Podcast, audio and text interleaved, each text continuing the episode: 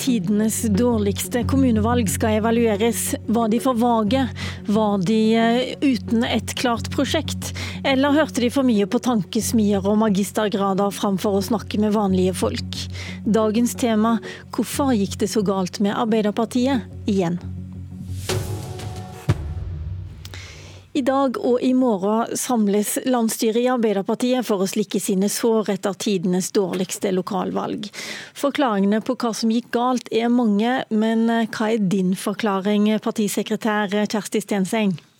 Ja, nå skal vi, som du sier, bruke de neste dagene i hop, sentralstyret, landsstyret, og gå litt gjennom eh, valget. Evaluering, få tilbakemeldinger fra Eh, de viktige organene våre som sentralstyre og landsstyre er. Så det er for tidlig å være for konkret i årsaker enda. Men eh, som også har sagt eh, en del ganger, så ser vi jo at vi har jo eh, mista ganske mange velgere i distrikt i Nord-Norge, til Senterpartiet spesielt. Der ser vi at eh, sentraliseringsdiskusjon, motstand mot eh, sentralisering, privatisering, som har skjedd de siste åra fra regjeringa, den motstanden er det Senterpartiet som har mobilisert på, og som har vært så det partiet som har eh, fronta høylytt, protestert Eh, tydeligst. Eh, det tror jeg er en vesentlig årsak i at vi mister ganske eh, stor oppslutning i mange distriktskommuner, og, og ikke minst da i Nord-Norge. Bjørn, Bjørn Iversen, som, er, som var, har vært ordfører for Arbeiderpartiet i Verdal, han opplevde at Arbeiderpartiet gikk tilbake 16% men, prosentpoeng, mens Senterpartiet gikk over 50% Han mener jo at dere i partiledelsen var for utydelige, vi kan høre her. Ja, Hos meg så hadde det definitivt ville gjort hvis, hvis partiet har vært tydeligere på hva man, hva man, vil. Hvorfor skal man stemme Arbeiderpartiet? Hva er det som vil bli annerledes med den kursen vi har? Så er vi veldig klar over at dette er et lokalt valg og et fylkesvalg, regionalt valg. Men likevel, et parti må henge sammen, et program må henge sammen, og vi må ha et prosjekt, tydeligere utforma prosjekt og profil, og henge denne lokale politikken på. Høres det kjent ut, eh, Stenseng? Et tydelig prosjekt etterlyser han? Ja da, Bjørn peker på eh, tydelighet og være tydelig på hva Arbeiderpartiet vil. Hvorfor det er viktig at Arbeiderpartiet styrer norske kommuner. og Det er jo som Bjørn sier, det var et lokalvalg. Vi har vært opptatt av at hun skal synliggjøre de viktigste eh, velferdssakene i et lokalvalg. Kampen for hele faste stillinger, kampen mot kommersialisering av velferden vår, eldreomsorgen vår, skole, oppvekst. Eh, og Det var også hovedsakene eh, i dette valget. her. Og så er det saker som eh, ikke har fått dominere denne eh, valgkampen her. Hele faste stillinger, skolemat, er to av de lokale velferdssakene som har eh, fått ganske mye oppmerksomhet i denne valgkampen her. Men, Prosjektet ble ikke tydelig, sier han. Eh, nei, og det øh, kan Bjørn godt mene, men det har også vært opptatt Og det er jeg enig med Bjørn i, at det har ikke vært tydelig nok i denne valgkampen her hva som var Arbeiderpartiet sine saker. Men likevel så mener jeg at de gode sakene lå der. De var vedtatt av landsmøtet vårt. Vi har jobba for å få fram dem. Og jeg vet at våre lokale kandidater har hatt fokus på de sakene. Men eh, den valgkampen her har handla mye om bompenger. Eh, konfliktlinja mellom altså klima og bompenger. Det har gjort at vi har mista ganske mange velgere til Eh, både Miljøpartiet og til Bompengepartiet. I de største byene så er det ca. 50% av dem har mista fra 2015 til i dag. Eh, de har mista i de store byene. Så det er jo en annen Eh, hovedårsak eh, i tillegg til sentralisering, distriktsdimensjon, eh, klima- og bompengediskusjon som gjorde at andre partier mobiliserte, og ikke Arbeiderpartiet. Da jeg forberedte, denne sendingen i går kveld, så satt jeg og fikk et sånn déjà vu. fordi at du og jeg snakka sammen også for to år siden med, etter stortingsvalget. Da hadde du fått innspill fra nesten 10 000 partimedlemmer. La oss spole litt tilbake. Av alle forklaringene du har fått inn, hvilken er det som gir, flest gir uttrykk for når de skal forklare hvorfor Arbeiderpartiet gjorde et så dårlig stortingsvalg? Ja, Hvis vi skal prøve å dra den hovedkonklusjoner for det her nå, så fra først og fremst de over 9500 medlemmene, men nå nesten 70 kommuneparti og, og fylkesparti, så er det nok en årsak som en hovedkonklusjon som skilles ut. Og det er jo at det politiske prosjektet Arbeiderpartiet gikk til valg på, det ble for utydelig. Det hørtes kjent ut. Ja, og det, helt, det, mener jeg fortsatt etter stortingsvalget i 2017. Eh, jeg, ikke, jeg, mener ikke at den analysen kan overføres til 2019 og lokalvalget. Men dere hadde jo to år på å bli mer tydelige? Absolutt. Og oss har, jeg mener jo det, at oss har det. Oss har tydelige lokalpolitiske saker som vi gikk til valg på. Men, men nå sier du igjen, hører jeg, eller ser jeg i Dagbladet, at Arbeiderpartiet skal bli råere denne gangen? Ja, men hvis vi prater om sakene i et lokalvalg, så hadde oss uh, hovedsaker som først og fremst handla om hva våre ordfører og ordførerkandidater gikk til valg på. Lokale partiprogram. Støtte opp under de sakene som var viktige for dem for å vinne valget i sin kommune. Men i tillegg så må også være et råere opposisjonsparti. og Det er jo en, uh, ja, det har forsterka seg fra 2017. og I de seks åra Høyre og Fremskrittspartiet har sittet i regjering, så har vi sett at uh, når vi har ja, bl.a. forlik, som vi har prata mye om, altså at vi må vise tydeligere vårt alternativ til denne regjeringa her. Og det har oss jo, Hvis du ser på den siste tida, så har vi vært helt tydelig på det at vi kan ikke inngå forlik med denne regjeringa bl.a. på politireformen, fordi vi ser at det står for langt fra vår politikk. Det, det dere gjorde for uh, to år siden, det var å utvikle ny politikk, og mm. det ser jeg at det skal dere også gjøre nå. Ja. Uh, dere satte bl.a. ned et sånn distriktsutvalg. Mm. Hva skjedde egentlig? Vi vedtok mye god distriktspolitikk på landsmøtet vårt i 2019. Det Utvalget jobba godt med det. Uh, og Den har vært mye brukt rundt omkring nå, både i lokale partiprogram og i valgkamp. Men likevel, når vi ser at den sentraliseringsdebatten Eh, og ikke minst protesten har forsterka seg fra 2017, så har jo det jo gjort at Senterpartiet har fått sterkere medvind av det. Det er ikke slik at eh, en sak som Senterpartiet mobiliserer på, automatisk mobiliserer i Arbeiderpartiet fordi om oss Eh, har gode politiske løsninger på de sakene. Så... Nå skal dere, eh, ser jeg også i Klassekampen i dag, at Jonas Gahr Støre er ute og varsler at klimasaken det blir den aller viktigste for Arbeiderpartiet framover. Det er ganske mange andre partier som også har klimasaken som den viktigste. Hvordan skal Arbeiderpartiet markere seg der? Nei, Det er helt riktig som Jonas sier. Det blir stort og viktig arbeid når vi nå starter med programprosessen vår. Arbeiderpartiet skal ha de helhetlige løsningene på, både på å redusere klimagassutslippene, som er den største utfordringa vår, men samtidig klare en omstilling som er rettferdig, som har legitimitet, som sier at folk ser at dette er en omstilling oss kan bli med på. Den er rettferdig. Eh, den sørger samtidig for at vi klarer å utvikle nye arbeidsplasser og ta vare på arbeidsplassene våre. Og De helhetlige løsningene de er overbevist om at det er Arbeiderpartiet i hop med AUF, i med fagbevegelse og i hop med andre eh, miljø- og alliansepartnere som skal klare å, å utvikle.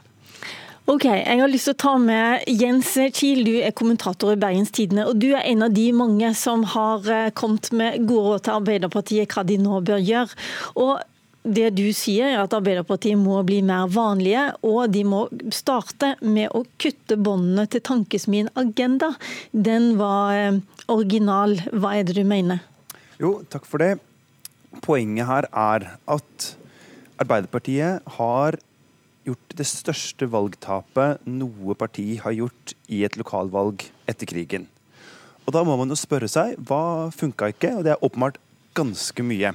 Men mine kilder, høyt og lavt, i Arbeiderpartiet sier at et av problemene er en nummen partiorganisasjon. Altså som er helt utslitt av bl.a.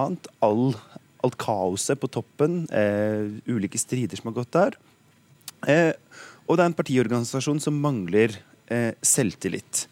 Og det å flytte politikkutviklinga eh, inn igjen i partiorganisasjonen enda tydeligere, tror jeg er et av svarene på det. Fordi eh, i dag så har man på en måte en egen tenketank på sida av Ap, Agenda, finansiert av LO og eh, Bergens sosialdemokratiske milliardær Trond Moen.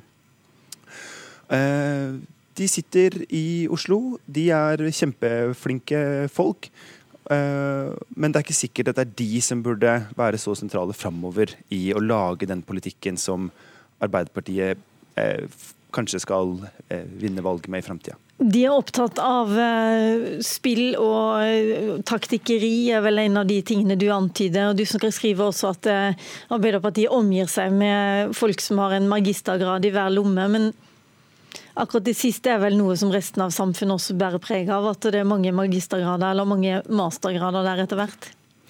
Ja, mange har en mastergrad i Norge. Det er ikke noe gærent i å ha en mastergrad, men veldig mange av Arbeiderpartiets medlemmer, veldig mange av Arbeiderpartiets velgere og veldig mange av LOs medlemmer har ikke en mastergrad, men lever åpenbart eh, gode og rike liv eh, med viktige jobber i det norske samfunnet. Og da er det jo sånn at kanskje er det sånn at eh, den politikken som nå blir skapt, blir skapt på et litt feil sted og med litt eh, feil eh, forutsetninger. Ok, La meg høre med Trygve Svensson. Du er leder i Agenda og på ferie i eh, Portugal. Skal være med oss eh, derfra.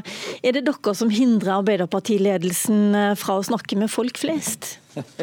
God morgen, god morgen. Nå hørtes jeg jo ekstra sånn fjern ut, siden jeg liksom sitter i Portugal. Men det er fordi at jeg i likhet med Jens Kiel reiste rundt i hele Norge, Kommune-Norge i sommer, i bobilen min. Så dette er første ferien på lenge. Eh, men for å svare på spørsmålet ditt.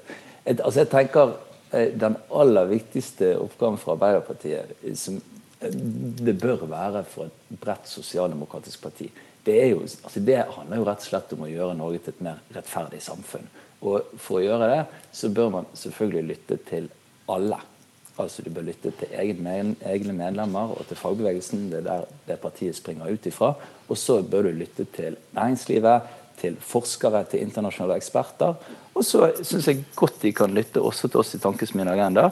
Eh, for vi kommer med mange forslag som handler om det altså som handler, som handler, om å bekjempe ulikhet, som handler om bedre integrering, som handler om det som Stenseng nettopp snakket om, rettferdig skifte. Men Det høres ut som dere er helt enige, men likevel så mener jo Jens Kiel at Arbeiderpartifolk snakker med feil folk, nemlig folk som deg? Ja, og, eh, men jeg, jeg, merker at han liksom har justert seg litt i forhold til den ganske krasse kommentaren som han skrev i går, om, om der, der, det store problemet liksom var en tankesmi i Oslo med 14 ansatte. Eh, og det er jeg glad for, da. fordi at eh, det vi holder på med, er temmelig sånn tilforlatelige og uskyldige greier. Vi sitter rett og slett og skriver forslag til politikk. Ok, La meg høre med Kjersti Stenseng. Det Jens Kiel eh, beskriver her, og som han mener har opplevd når han møter folk der ute, det er en nummen partiorganisasjon eh, som er veldig prega av mange personkonflikter.